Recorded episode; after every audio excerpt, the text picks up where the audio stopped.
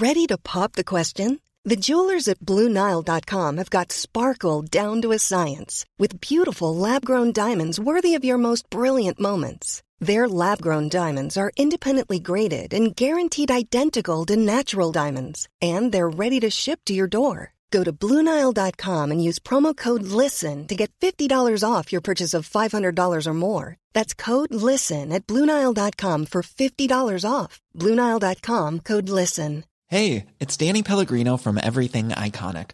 Ready to upgrade your style game without blowing your budget? Check out Quince. They've got all the good stuff shirts and polos, activewear, and fine leather goods, all at 50 to 80% less than other high end brands. And the best part? They're all about safe, ethical, and responsible manufacturing. Get that luxury vibe without the luxury price tag. Hit up quince.com slash upgrade for free shipping and 365 day returns on your next order. That's quince.com slash upgrade.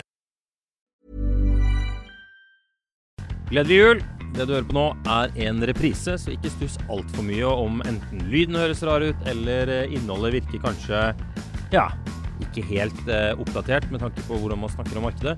Dette er ment for å gi et lite tilbakeblikk og er et resultat av en avstemning vi har gjort eh, rett før jul.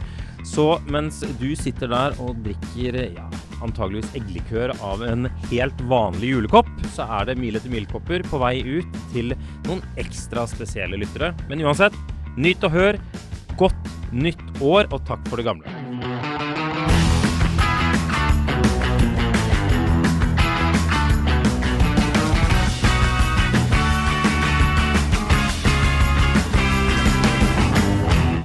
Ja, da Vyrde lytter, er det Marius som har overtatt eh, lederrollen i dag.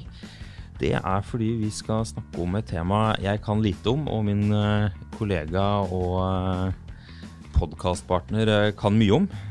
Det er på tide at jeg stiller spørsmålene, og Håkon har svarene. I motsetning til hvordan det ellers er i livet. Så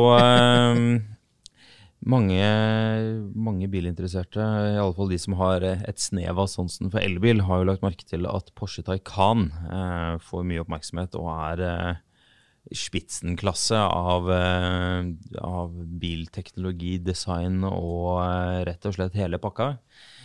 Men eh, det selskapet som lager Taycan i dag eh, Vel, hadde det samme Det selskapet det var for 30 år siden, hadde ikke kunnet lage den bilen i dag, for å si det mildt.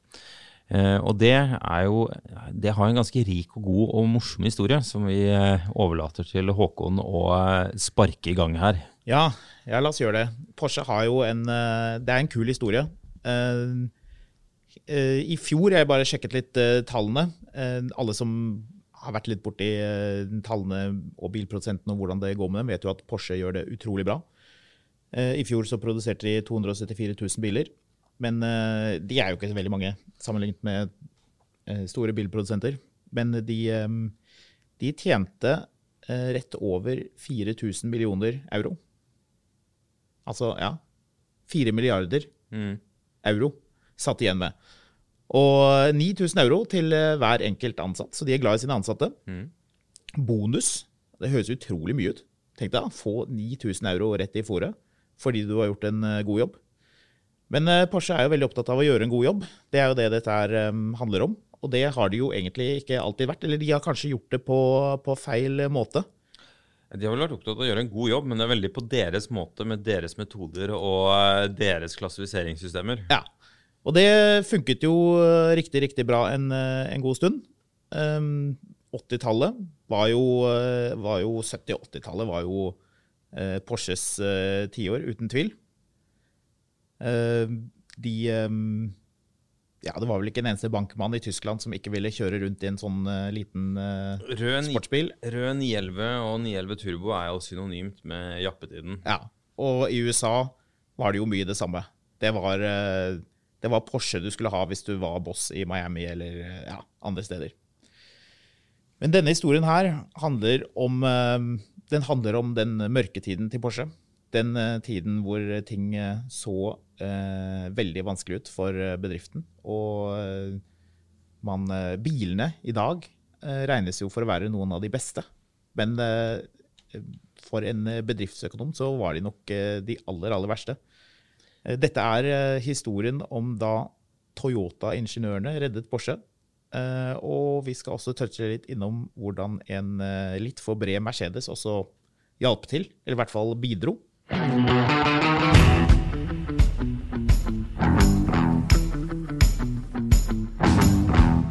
Ja, for her må vi jo litt tilbake. Og vi snakket jo Altså, 911 har jo røtter tilbake til 60-tallet. Og dette vil jo irritere Porsche-fans, Eller de verste Porsche-gærningene. Men det var jo i praksis mye det samme som ble laga gjennom 60-, 70-, 80-tallet. Det var gradvise forbedringer av det samme konseptet. Og det gikk fint, det, på, på 80-tallet, hvor uh, jappetiden var uh, sterk i, i alle samfunn, og pengene satt løst. Uh, Det var viktig at det var rødt og fett og med store turboer, og utover det så var det ikke så, så mye å eh, klage på. Eh, Men eh, i oktober eh, 1987 så får jo dette en bråstopp. Hele verdensøkonomien går i veggen med et smell. Og derfra så blir det jo utløst en skikkelig nedtur i økonomien, som slår ordentlig dårlig ut for Porsche. Fordi selv om nedturen begynner i 87, så varer den jo godt ut på 90-tallet. Ja. Det gikk jo ikke noe bra med Porsche. Eh, I 1986 så solgte de 30 471 biler i USA. I 1987 hadde det dalt til 23 632 biler. Og i 1988 så var det 15 737 biler. Så rimelig tydelig eh, tendens der. Og krisen var eh, De halverte salget på to år. rett og slett. Krisen var eh, virkelig over Porsche. Kassa var tom, og nå var de vel egentlig ganske nære å gå konkurs. 1993 så solgte de 14 000 biler til sammen. i verden. Ja. Ja. 3700 biler i USA. Så det var på vei til å bli ordentlig kroken på døra. Ja. Dette var Tysklands Saab, med andre ord. ja, helt riktig.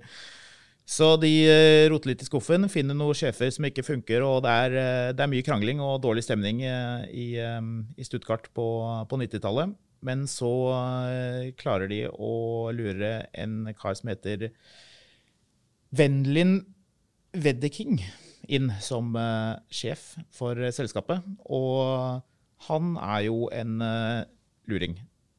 Han Han Hvor kom han fra? Han var produksjonssjef i selskapet. Så han var jo allerede en mektig mann, men eh, ble da manøvrert inn som, eh, som sjef. Eh, Det var i 93. Og han ser ut som en sånn kvintessensen av alle tyskere. Som en sånn person som bestiller bratwurst på en tankstelle før han setter seg inn i en rask bil og suser videre. Eller han ser litt ut som, som Gynter i Pondus Ja. med sånne små briller og Ja. Så Men han var en slagkraftig type. Han eh, kødda ikke. Han eh, beskyldte bl.a. Helmut Kohl for å ikke kunne økonomi. ja. Så eh, jeg har lest litt rundt om, om fyren, og det var vel noen som mente at han aldri var helt inne i liksom, det gode selskap i eh, Bayern blant de store eh, industrielle selskapene, så han var nok litt outsider. Men eh, som vi jo skal se, da, så fikk han, eh, fikk han jo litt ordnings på, på Porsche etter hvert. Så altså, For å oppsummere her nå, så har vi da et Porsche i fullstendig krise. Eh, salget deres har ramlet fullstendig eh, Eller kjørt fullstendig i grøfta. Yes. Og da har du denne snurrige tyskeren som kommer inn og skal redde dette fra sidelinjen. yes. Og tysk, Men tyskerne, de er jo eh, Nå har jo tyskerne samarbeida med japanerne før, men eh, det gikk jo sånn passe. Hvordan gikk det denne gangen? ja, forrige gang så eh, ble det ikke helt store resultater. Det begynner å bli en stund siden. Men vi skal likevel ta oss og hoppe litt tilbake, for det er interessant det du sier om, om andre verdenskrig. Vi skal til Japan. Vi skal til Toyoda, som de sier på Sørlandet. Men Ja. um, um, de endret jo navn til Toyota. Prøvde å finne ut hvorfor. Det var visstnok fordi det er enklere å skrive i eh, Japan, eller et eller annet sånt, og så syntes de det hørtes finere ut. Så de, eh, de slang på en T der isteden. Det er jo greit nok, det. etter andre verdenskrig så sleit jo eh, Toyota og mange andre produksjonsbedrifter i eh, Japan. For de hadde jo ikke så mye stæsj. De hadde ikke så mye ting, ikke så mye råmaterialer. Hele, hele Japan lå jo eh, la, Jeg mangler et bedre uttrykk. Brakk Ja. etter et par atombomber og en krig og eh, masse andre ubeleiligheter. Helt riktig. Men eh, Japan er jo Japan. De er jo knallgode på å kaste seg rundt og gjøre ting. Så de lagde lastebiler med én lykt istedenfor to, og bare bremser på foraksjen og litt slike ting. Og det gikk jo fint, det. Ja, så der, der eh, vi ikke har klart å bygge Fornebubanen på hva er det nå 20 år, så er jo det noe de ba banker sammen på eh, tre dager og et kveldsskift i Japan. Så ja. Det har seg slik at en eh, Toyota-ingeniør som egentlig jobbet på den, eh, den ene stoffabrikken Toyota laget jo mye rart, tror jeg. De eh, laget ikke bare biler, men sikkert symaskiner og mye mystisk. Eh, I hvert fall eh, ingeniøren Tai Taichi Ono eh, dro til eh, USA sammen med fetteren til sønnen til eh, grunnleggeren av Toyota. Så eh, litt familie og litt eh, smoothe ingeniører som kasta seg på flyet og durte over til USA for å sjekke Henry Fords eh, produksjon. Og de var jo selvfølgelig mektig imponert over alle de sorte bilene og store stabler med dekk og felger og deler til disse, til disse bilene. Men eh, de skjønte jo også at eh, det går jo ikke i Japan. Så historien vil ha det til at de dro til en dagligvareforretning, en Piggly Wiggly. Og der ble Taichi Ono utrolig fascinert, visstnok, av hvordan man bare kunne gå og plukke greier av eh, hyllene og putte det i kurven. Det syntes han var utrolig fett. Det hadde de ikke i Japan på den tiden. Er da, er, de dro i 1953, så tidlig 50-tall. Og de, eh, de suste rundt i USA og prøvde å skjønne hva som var eh, bra, og hva som var mindre bra. Og tok med seg, da, visstnok. Dette her er, eh, er ikke tull. De tok med seg erfaringene de gjorde i USA. Og eh, Taichi Ono han eh, er jo regnet for å være grunnleggeren av det vi i dag kaller eh, lean production. Som Toyota kaller Toyota Production Systems. Det høres litt sånn teknisk ut, men det er egentlig ganske morsomt. For det dette handler om, er noe som for eh, de som har jobbet på en fabrikk, det har jo ikke vi, men eh, i hvert fall vært borti hvordan man produserer ting. Det der med å ikke sløse med tid, ikke sløse med ressurser, og ha ting eh, tilgjengelig i tide, da. Ja, for, altså, for dere som sitter og lytter nå og er tvunget til å høre på denne podkasten av deres uh, mer bilinteresserte sjåfør, så er det jeg, jeg kjenner litt grann til denne historien etter utallige bilturer med Håkon opp gjennom årene. Og eh, jeg kan si det sånn at dette er ikke et seminar i eh, logistikk og varehandelsløsninger, men eh, det blir relativt interessant etter hvert. Ja. Det er jo det er jo i hvert fall Det er mye man kan si om dette her. Og dette blir jo bare en bitte liten introduksjon uh, til, til akkurat det med hvordan Toyota produserte biler, og hvordan, de, hvordan det gikk med dem.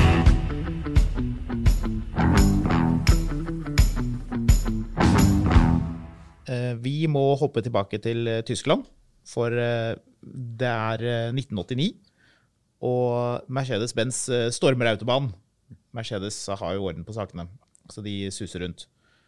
Um, men det er en stor bekymring for dem, og det er eh, BMW 7-serie som eh, dukket opp litt tidligere. I 1986 ble vel den presentert på Frankfurt. Frankfurt-messen. E32. E32, ja, helt riktig.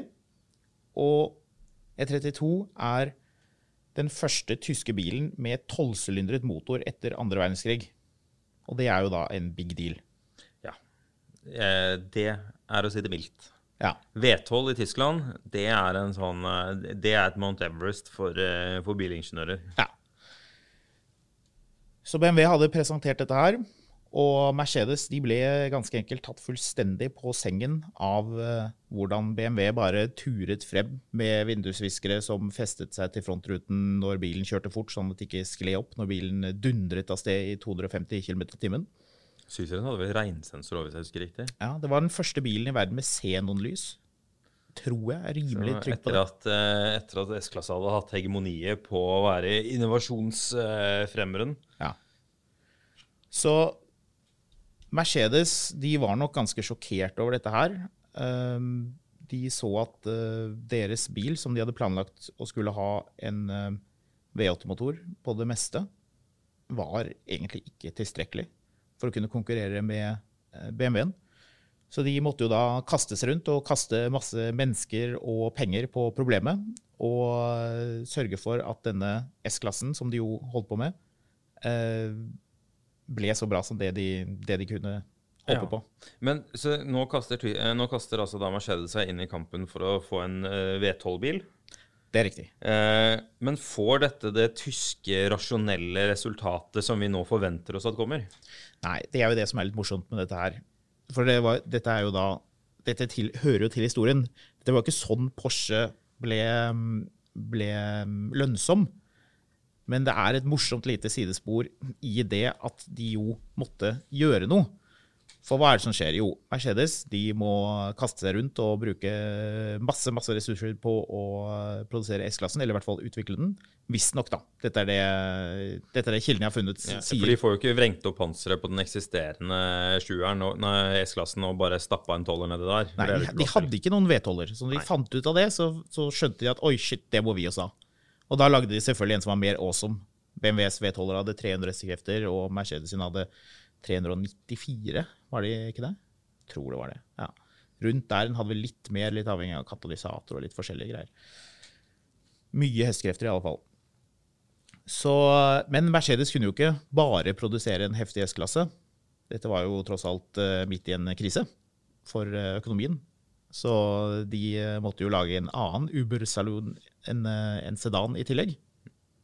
En som vi kjenner ganske godt, som jeg tror eh, mange har som sin favorittbil, egentlig. Mm.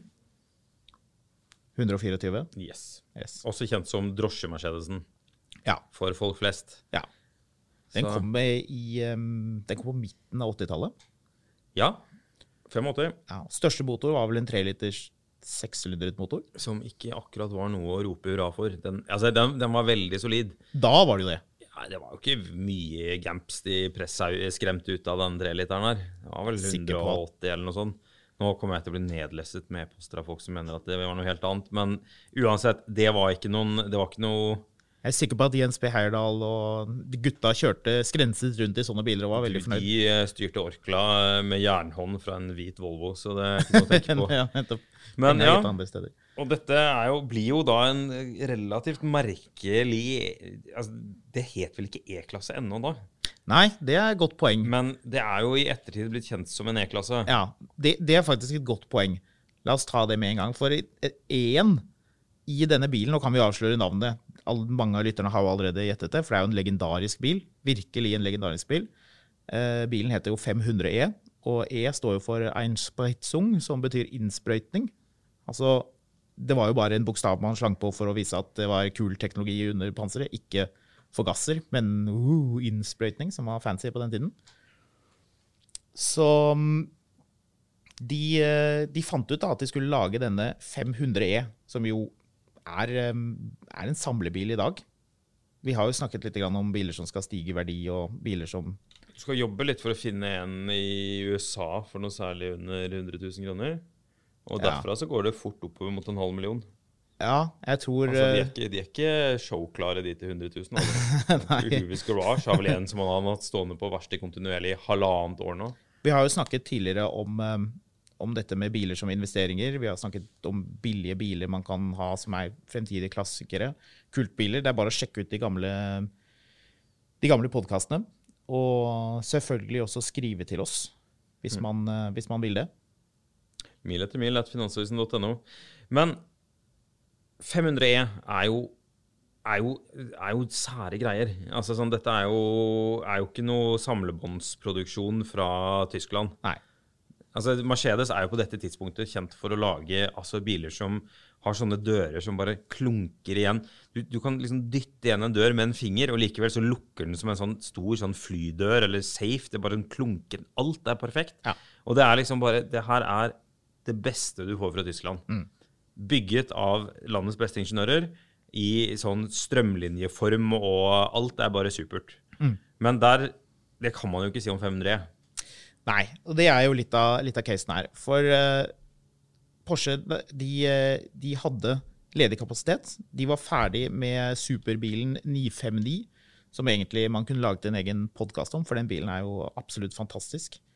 Den har jo firehjulstrekk og turboladet eh, sekser og alle de kule tingene. jeg har et veldig ambivalent forhold til. Men Ja, helt enig. enig. jeg Veldig klarer aldri å 80-talls. bestemme meg for om jeg liker den eller ikke. Nei. Den, den er, men den er jo så over the top. Den er så innmari jappetid. Ja, voldsomt. Du kan ikke kjøre den bilen uten at du er på en flystripe et eller annet sted. og det er sånn, sånn Litt sånn trenchcoater og folk som står i frakker og ser på. Det, det er så innmari 80-tall. Jeg elsker, jeg elsker den bilen, men de, de felgene, veldig sånn, sånn eh, Ja, den, den derre typiske 80-tallsfølelsen. Det spiller ingen rolle, fordi i 1989 så er uh, alles kaputt. De har sluttet å lage den. Den skal ikke It has ceased to be. Ja. Så de har da eh, Rosselbau-linjen på, på fabrikken i, i eh, Stuttgart, er det vel? Eller i hvert fall eh, i området rundt. Så, så har de ledig kapasitet. Og Mercedes får da Porsche til å bygge denne super-E-klassen, som den da etter hvert Ready?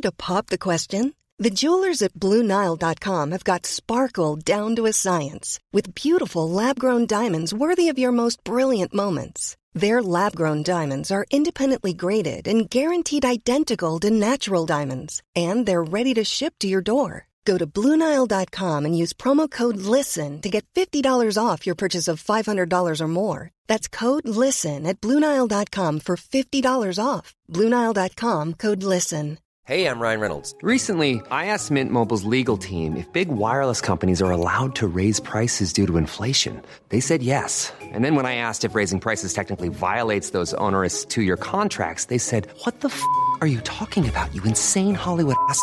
So to recap, we're cutting the price of Mint Unlimited from $30 a month to just $15 a month. Give it a try at mintmobile.com slash switch. $45 upfront for three months plus taxes and fees. Promo for new customers for limited time. Unlimited more than 40 gigabytes per month. Slows. Full terms at mintmobile.com. blir hetende, får seg. Ja. Ja. Det høres jo ut som en kjempegod plan. Da har du da en fantastisk Mercedes laget av veldig kompetente folk hos Porsche. Ja, det er oppsk vinneroppskrift, er ikke det? jo eh, Ja, men det var jo Så var alle enige om at det hadde vært en fin tur. Slutt. Nei. Grunnen, en av grunnene var jo også at eh, for å få plass til denne motoren Motoren er jo en 5-liters V8 fra eh, Mercedes-Benz SL. 32 ventiler, veldig, veldig fancy på den tiden. Eh, 326 hestekrefter. Bilen gjorde jo 0 til 100 på rundt 6 sekunder, som var helt sinnssykt på den tiden. Firetrinns automat. Eh, Men de måtte gjøre bilen litt bredere, og det er jo her legenden kommer inn. For du hadde jo alle disse vanlige E-klassene som var bare helt vanlige biler, og så så ut som en vanlig Mercedes. Eh, taxi eller eh, farfar som var ute og kjørte, var samme greia. De var jo, så jo helt like ut, men 500E, eller E500 som faceliften ble hetende, den var bredere. Og det hadde de ikke plass til på Mercedes-fabrikken. Så jeg har prøvd å grave litt og prøvd å finne fasiten i hva som faktisk var tilfellet med produksjonen. Men der er det litt motstridende informasjon. um, akkurat rundt hvordan de løste det. Men jeg har funnet ut Jeg tror mest på uh, historien om at Mercedes stanset ut um, um, karosseriene, og så blir de sendt til Porsche body in white, altså i produksjonsstadiet før de får, um, før de får lakk. Så de ble sendt fra uh, Mercedes til Porsche, sånn at de kunne gjøre plass til motoren. For det måtte de gjøre, for det måtte de gjøre bilen bredere. Så, Rett den, og slett banke ut det hulrommet. ja, så de, de sto og gjorde det.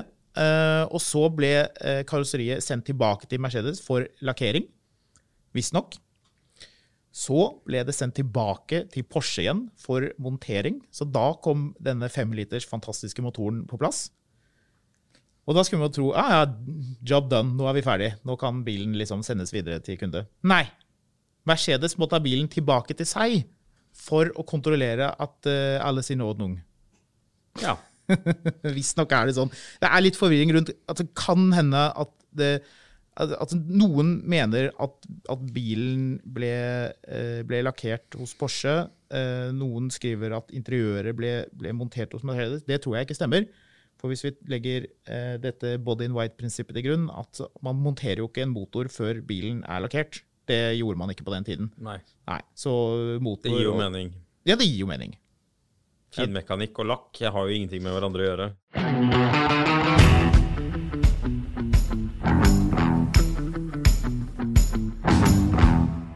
For våre lyttere med konsentrasjonsvansker så er det da greit med en liten oppsummering på veien hvor vi er hen og hvor vi kommer fra. Fordi igjen, Porsche er i kjempetrøbbel. De eh, sliter med å selge sine egne, sin egen 964, som på mange måter egentlig bare er en oppdatering av eh, 911 før. Eh, de har eh, litt sånn ymse modeller som de sliter med å eh, bli kvitt. Eh, men altså 944, 968, 980 altså, det, det er mye rart, men ingenting av det selger. Så det de bruker tiden på, det er å bygge litt Porsche for seg selv, litt Mercedes for uh, Mercedes. De hadde vel et par Audier inn der. Og, Ja, og, de må vi eh, snakke om. Dette er jo en glimrende påskudd for å snakke om ja, den bilen også. Og så husker jeg også at de drev og putta Porsche-motorer i sånne karaveller. B32 tenker du på? Ja. Ja. Uh, og Det stemmer. Vet du, Kjenner du historien? Nei. Visstnok så gjorde de det fordi de måtte ha en bil som kunne holde følge med rallybilen deres. Så de trengte en bil som var kjapp nok til å frakte alle delene og alt dilldall rundt. Visstnok, da. Ja, fantastisk. Ikke utenkelig. Uh, men da har vi jo da liksom Når, når eh, vi, vi skal ta litt om de Audiene straks, men etter det så må vi jo fortelle fordi det, det ser jo ganske rett ut altså Unnskyld ordbruket. Rett ut ræva ut for Porsche på det Ja. tidspunktet her. Ja. Eh, nå så snakker man om at Porsche er verdens mest lønnsomme bilprodusent, og sånn, men her er det altså på vei til å gå altså så alvorlig galt. Ja, det, det kan man si. De, eh, de bygde 10 000 sånne E-klasser. Sånne 500 E-biler, og E500, som det ble hetende. Og Audier. Nei, det var bare den. Ja, okay. Ja da, så det var jo en, det var jo en operation. De bygget bilen fra, fra 1990 til 95, faktisk. Så det, det var jo en, eh, en ganske heftig greie. Visstnok skulle bilen klare 270 km i timen uh, uten uh, restrictions. Ja. Men du jeg, nevnte, jeg tror ikke jeg drister meg på det, men ja. ja, du nevnte denne Audien. ja. Og det, vi må jo også sneie kjapt innom den, siden vi nå prater om uh, hvor, eh, egentlig hvor dårlige Porsche var til å bygge biler. I hvert fall ifølge japanere, som vi jo snart eh, kommer til. For den første RS-Audien ble jo bygget av Porsche. De, um, de tok eh, den eksisterende det var vel, Den var vel allerede turboladet, den Fra 2,2-literen. Stuttgart til, til munkerane, Ja. Det er en annen episode. ja. Um, de, tok vel, eh, de tok vel den eh, 2,2-literen, femmeren, til Audi, og slang på en eh, enda større KKK-turbo. ja. Det antar jeg ikke er Ku Klux Klan det er snakk om. Det er eh, Skal jeg se om jeg sier dette rett. Kyne Kopp und Kausch. Ja. Ja, danke. Bitte. Det ble 315 hestekrefter. Og en skikkelig heftig bil. Med den bilen, altså Det er jo Audi RS2 vi snakker om her nå. Eh, når du åpner opp panseret, så ser du i svære bokstaver Porsche stå på, på manifolden på bilen. Den har 911-speil og er rett og slett bare en sinnssykt fet bil. Den første, den første Audien med RS-navn. som også ble produsert av eh, Porsche. Den ble bygget fra 1994 til 1995. Så var det på, liksom på midten av 90-tallet at eh, Porsche jo tydeligvis ikke hadde noe annet å gjøre. Så de kunne lage håndbygde biler. Mange tusen av dem. Ja. Ja.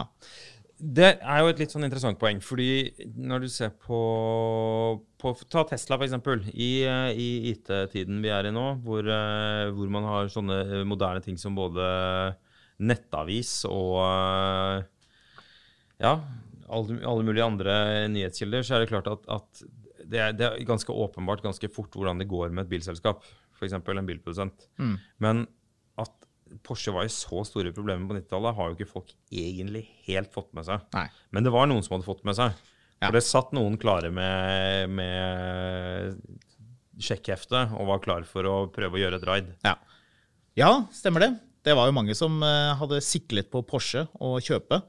Eh, til en annen gang kan vi jo diskutere feiden mellom eh, barnebarna til eh, Ferdinand Porsche, altså grunnleggeren som lagde tanks til Wehrmacht og litt forskjellig. Barnebarna kranglet jo noe helt forferdelig, det kan vi jo snakke om i en egen episode. Høres ut som en egen episode, ja. Ja, Familiekrangler. Familie- Sånn løser du arveoppgjøret i din familiebedrift. ja hør på Mil etter mil, en podkast om bil. Og arveavgift. Det gikk, det gikk ikke bra Men vi må, vi må, nå må vi dykke ned i hva som går galt her. Ja. Og hvordan, hvordan, hvordan redningen kommer fra Østen. Ja, for dette her er, dette er jo gøy. dette er morsomt. Dette er en, det, det står litt grann om det på Wikipedia. Men um, en av hovedkildene er jo en uh, artikkel fra 1996 i uh, The New York Times, som har pratet med uh, denne uh, Wedeking, som uh, sikkert spiste en stor pølse mens han pratet. Ja. Senne, sennep i barten og eh, sånn propellhatt på hodet, mener du? Eh, ja, hvit frakk sikkert. Ja, ja. Ja, sånne ergonomiske sko. For øvrig, er det noe bedre enn å stoppe i Tyskland og gå på en sånn liten eh, sjappe hvor det står en sånn tysker og bare snurrer sånne pølser, og så får du en sånn liten sånn papptallerken med en sånn klatt med en sånn sennep som du bare kan bruke til å rive beisen av hytta di med, og en pølse. Og det er det du får. Ja. Og en sånn liten sånn, eh, et lite rundstykke til. Wedeking eh, han sparket jo en hel haug med folk, så de reduserte jo staben fra eh, åtte, i underkant av 8500 til 6800 ca. Noe sånt noe. Um, de, eh, de måtte jo effektivisere. De var jo i dyp krise. Så han hentet inn eh, konsulentselskapet eh, Shinjitsu. Ja. Hvorfor vendte han seg den veien? Vet du det?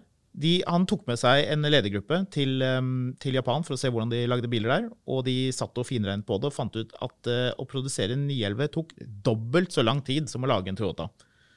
Og Det er jo selvfølgelig nicht godt. Så da Det er nicht godt, men det er jo ikke veldig overraskende heller. Altså, det, det skal ta litt lengre tid å lage en 911 enn å lage en Corolla. Ja, du mener det. Men, Litt bare, men ikke dobbelt så lang Ja, tid. du tror det. Ja.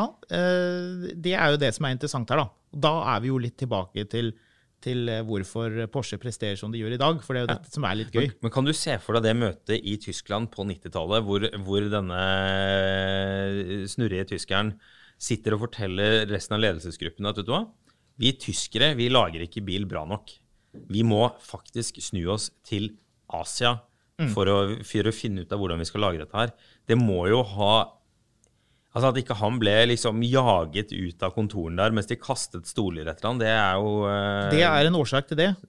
Han var sjefen, så han jaget folk ut. Men han, han fortalte det at det var ingeniører som hadde sagt at jeg har brukt 25 år av livet mitt, og det er jo bare tull det jeg har gjort. Det er jo åpenbart feil. For det som skjedde, da De hentet inn dette konsulentselskapet fra Japan med tidligere Japan-ingeniører som hadde lært av uh, Tai Chi Ono. Han Jeg må, jeg må skyte inn. Du mener tidligere Toyota-ingeniører? De er vel fortsatt japanske ingeniører? Var det hva, Ja, ja.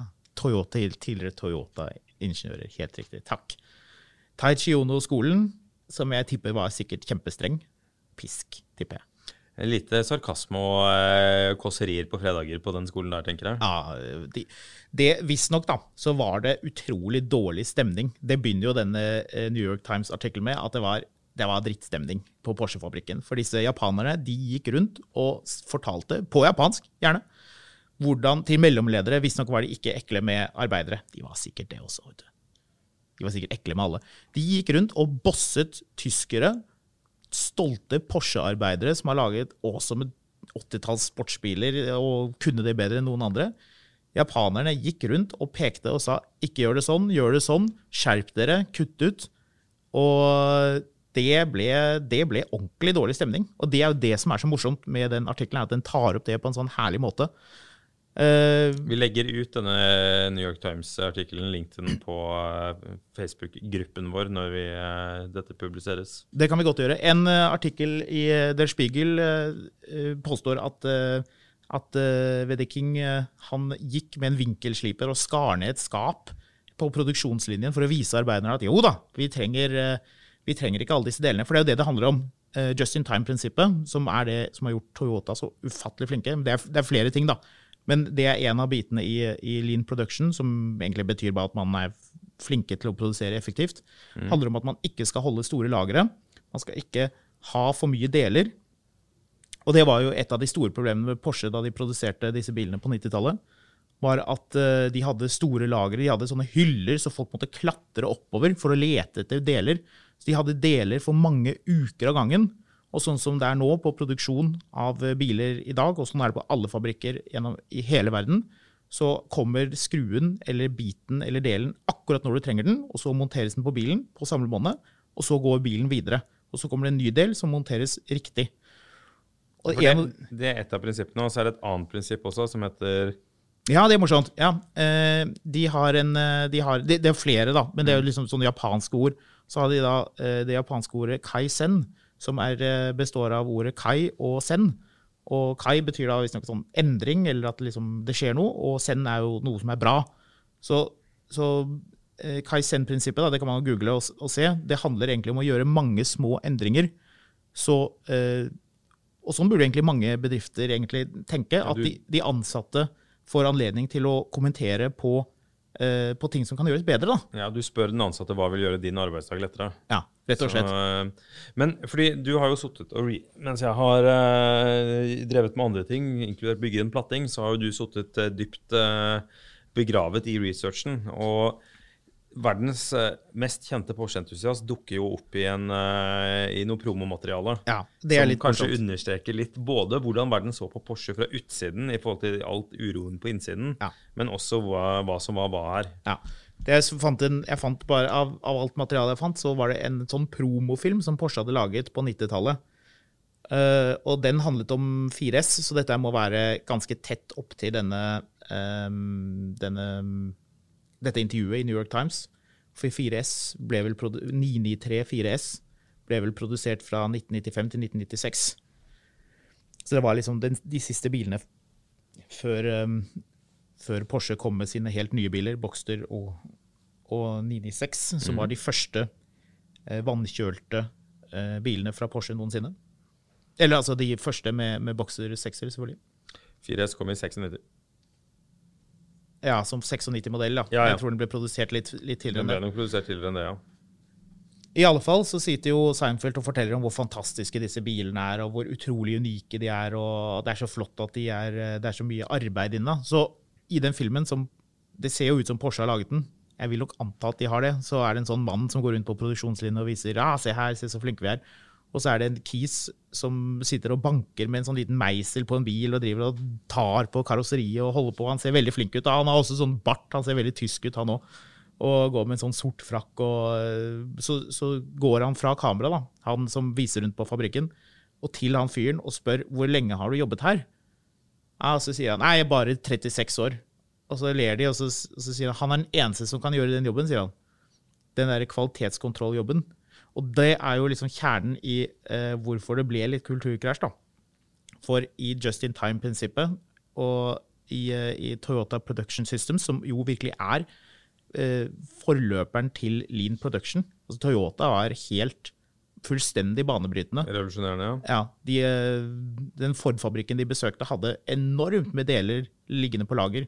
Og hele poenget er at man ikke skal ha noe lager i det hele tatt. ikke sant? Hele poenget er jo også at den, som du eh, poengterte veldig bra, er at det er flott at han har sittet her i 36 år men, for å finne feil.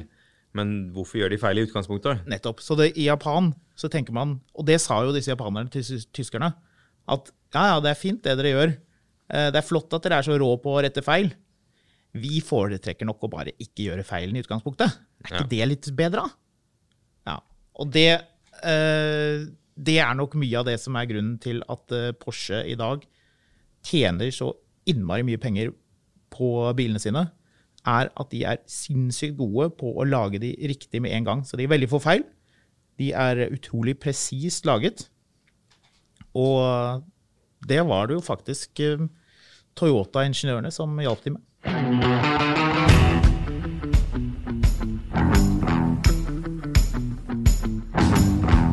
Så det som har da skjedd, er at eh, Porsche har da gått fra å være i dyp krise. De lager altså Ja da, jeg vet at de lager andre biler enn 911 på 90-tallet, men det er stort sett 911 de selger, og de selger de nesten ingen av. Inn kommer det en bråte med folk som er vant med å lage kassebiler og eh, familiefraktere, og eh, bosser jeg tror ikke jeg fornærmer noen når jeg sier arrogante tyskere rundt til å gjøre jobben sin skikkelig. Um,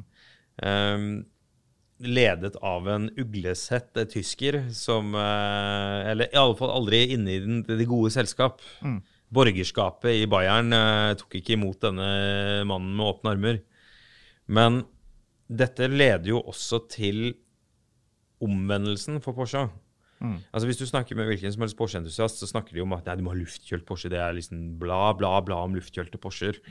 Men den store revolusjonen kom jo ganske kjapt etter det her. Eh, Boxsteren ble jo presentert noe etter at denne artikkelen kom. Kan jo mistenke at eh, artikkelen og den bilen hadde noe med hverandre å gjøre. Ja, det var vel noen som var litt PR-savvy også den gang. Ja, så det var nok, uh, det var nok en sammenheng der. Men uh, det var jo iallfall en kjensgjerning at da Boxsteren ble, da konseptet ble bevist på Detroit-messen i 1993, så, så, var jo folk veldig begeistret over en midtmotors roadster og ville ha det. Så selv om da krisen var over Porsche, så hadde de gjort noe riktig. Og eh, en av de som, um, som jobbet der, jeg leste et, eh, et, intervju, fortalte at kassen var virkelig helt tom. Altså de, de måtte gå på jernvareforretningen for å kjøpe greier til å, til å, vise frem bilen. De var liksom De hadde ikke penger. Mm. Og, eh, men, men Boxsteren fikk jo, før den gikk i produksjon, 10 000 bestillinger, like mange bestillinger som de produserte den der eh, ville E-klassen, den Mercedesen, før bilen ble produsert. De lagde jo til og med et eget PlayStation-spill med bare Porsche Boxer mm. etterpå. Og, um, og, det her er jo den store snuoperasjonen, men det her, jo, det her, har jo falt mange, mange Porsche-eiere tungt for brystene, og det er jo det at de det, det her er jo et skille det skillet mellom det gamle, håndbygde, sære, til dels antikvariske, mm. til det moderne. Det er jo, liksom, Vi skal trekke en litt sånn snurrig parallell. da. Altså, det er jo mye av det samme Jaguar gjorde. Men de klarte jo ikke den samme omvendelsen til å bli et moderne opplegg som det Porsche har gjort. Fordi Jaguar tviholdt jo også veldig lenge på disse formene og veldig mye av den sånn samme gammeldagse greiene mm. til langt ut på 90-tallet. Men derfra så går det jo i hver sin retning for Jaguar og Porsche. Mm. Eh, for Jaguar har jo hangla videre i 15 år, mens for Porsche så, så liksom, går det jo bang av startstreken. Mm. Boxsteren først, og så 996-en, som er for mange utskjelte, men altså Den kom jo året etter. 1997. Ja. 1998. 1997, tror jeg det var. Ja. Den ble presentert. Uh, ja, den ble presentert, ja. Men som 98-modell. Den ble presentert før det òg. Ja, men som 98-modell. Det stemmer nok. Uh, men den kommer jo da, og den går jo som Altså, det, det er Ja da, det er, en, det er, en, serieprodusert bil. Den er ikke liksom Han uh, Jeg velger å kalle han Rutger, han som har sittet der i 36 år og hamret ut feil i karosseriet. Det var nok det han het, ja. ja. Han er ikke så delaktig lenger. Dette er serieproduserte greier. Men det er jo ekte Porsche. Ja. Dog vannkjølt. Man kan jo liksom lure litt på hvor er egentlig verdien. Hvorfor skal de ta så mye betalt for disse bilene? Når de eh, er så råe på å lage de til eh, så lite penger som det de gjør. Ja, Betalingsvilligheten er vel høy, da? Det er jo gode biler. Ja, det er fantastiske biler. Nå har jo prisen gått helt av skaftet på de. De er jo så dyre nå at det hjelper. Men uh, det har jo dukket opp alt mulig rart. Fra små sportsbiler til SUV-er til mindre SUV-er og rare Panamera er jo ikke en sedan, det er en sportskombikupé. Så det er liksom Det her er jo omveltningen. Omvendelsen. Alt endrer seg. Det er jo litt gøy at han Vediking han, han eh, kranglet jo til seg en bonus basert på resultatet til Porsche. Og han ble jo Tysklands eh, mest eh, eh høyest lønnede person. Han, han tok vel eh, det var mange titalls millioner euro da han, da han, sluttet i jobben i 2009. Det var jo fordi han og de andre prøvde å ta over Volkswagen. Så det er jo den andre historien som jo han, han pratet om. Han er jo ikke gamle karen heller, egentlig. Han, er, han, han var er, ung da han uh, tok over produksjonssjefjobben i Porsche. 40 år gammel. Mm. Så omvelter han hele greia. Han er 67 nå. Mm. Uh, og det er jo imponerende i seg selv. Mm.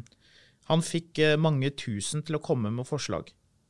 Ja. Og det er, sånn, det er, sånn, man gjør det på, på, fabrikken i dag. Hvis du, For å eksemplifisere, da, så hvis du syns at, at, skruen på en, en, drill, så du skal skru inn, um, ikke lar seg feste enkelt nok, da, så kan du foreslå å kanskje gjøre en av dem magnetiske, så det, så det går fortere. da. Mm. Det nye nå er eh, å bruke tyngdekraften.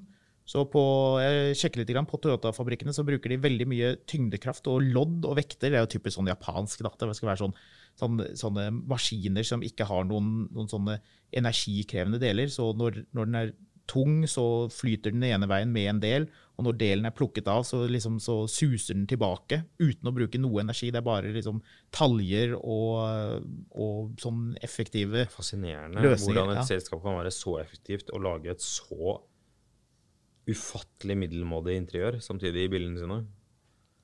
billig, da. Ja, billig er ordet.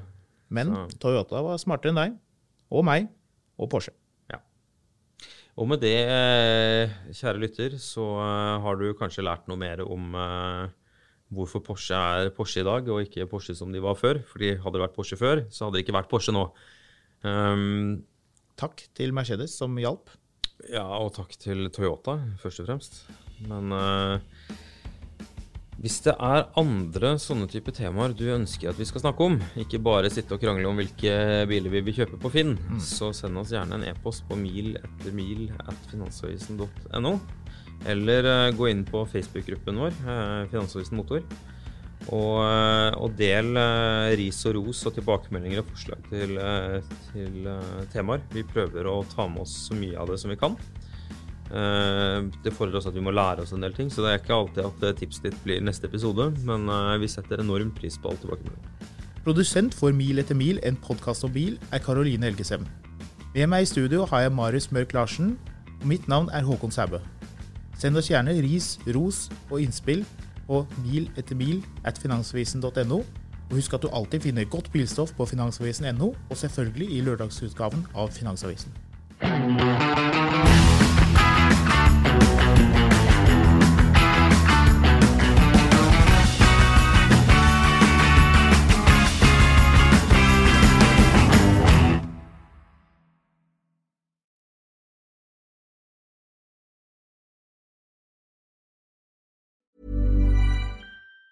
Even on a budget, quality is non-negotiable. That's why Quince is the place to score high-end essentials at 50 to 80% less than similar brands. Get your hands on buttery soft cashmere sweaters from just 60 bucks, Italian leather jackets, and so much more. And the best part about Quince, they exclusively partner with factories committed to safe, ethical, and responsible manufacturing. Elevate your style without the elevated price tag with Quince. Go to quince.com slash upgrade for free shipping and 365-day returns. Summer's just around the corner, so give your body the care it deserves with Osea's best-selling Andaria algae body oil.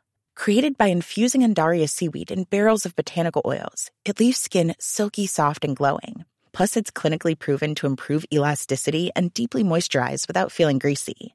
It's safe, clean, vegan skincare. Get 10% off your first order at OseaMalibu.com with code GLOW, plus free shipping on orders over $60.